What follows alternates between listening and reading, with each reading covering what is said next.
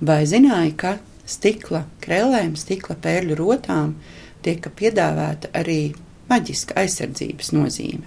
Vēl līdz šim Igaunijā ir saglabājusies tradīcija, ka mazam bērniņam uz kūmībām tiek krustvecāki dāvina stikla krēlīšu rotu, kas tiek papildināta mūža gaitā un valkāta cieši ap kaklu un netiek noņemta pat ikdienā. Šādas pērlītes, stikla krēlītes sauc par kakla krēlītēm, un viņas senos laikos pat slēpa zem krekla apkaklas un nerādīja nevienam, bet bija šī ciešā pārliecība, ka šādas krēlītes pasargā no ļauna.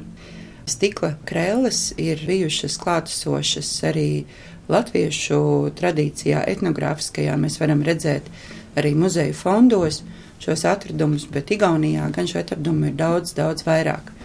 Un uh, iemesls tam ir tāds, ka Igaunijā tiešām šīm krēlēm tika piedāvāta īpaša nozīme, un arī no topošā līga vaņa tika sagaidīts, lai viņš stāvēja līga vai uzdāvinātu kreļu rotu, kādreiz ne tikai ar stikla, bet arī izrotātu ar īpašiem sudraba piekariem. Igauņu valodā pat ir atsevišķi vārdi, nosaukumi šādām krēlēm un rotām īpaši maģiskas īpašības tika piedāvātas neskāpēc melnām pērlītēm ar rieviņām.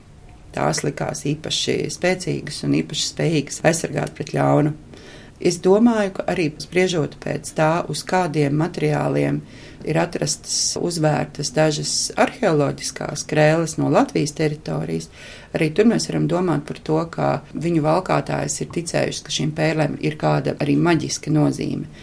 Piemēram, ir atrastas pērles, kas ir uzvērtas uz smalki sapīta sarkana dzīpara, kas liecina par tādu maģisku izpratni. Pārsvarā pērles tika vērtas uz lina diegu, kādreiz arī uz dzīvnieku zarnām, uz dzīvnieku cīpslām. Bet jā, šis sarkanais cīpars liecina par to, ka tās valkātāji ir ticējusi tam, ka pērles sargās viņu īpaši.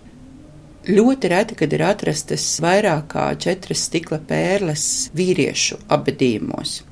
Stikla pērles visizplatītākās šajā mūsu reģionā noteikti bija vikingu laikos, un tās ir kārtīga vikingu tērpa e, obligāta sastāvdaļa.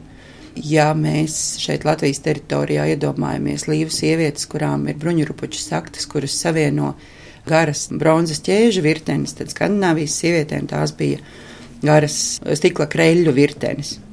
Un tomēr izskatās, jā, ka tieši sievietes bija tās un bērni, kas valkā šīs stikla krēles, bet reti izņēmumi arī, kad stikla kreļu rotiņas vai, piemēram, pogas no stikla pērlēm ir atrasts arī vīriešu abatīmos.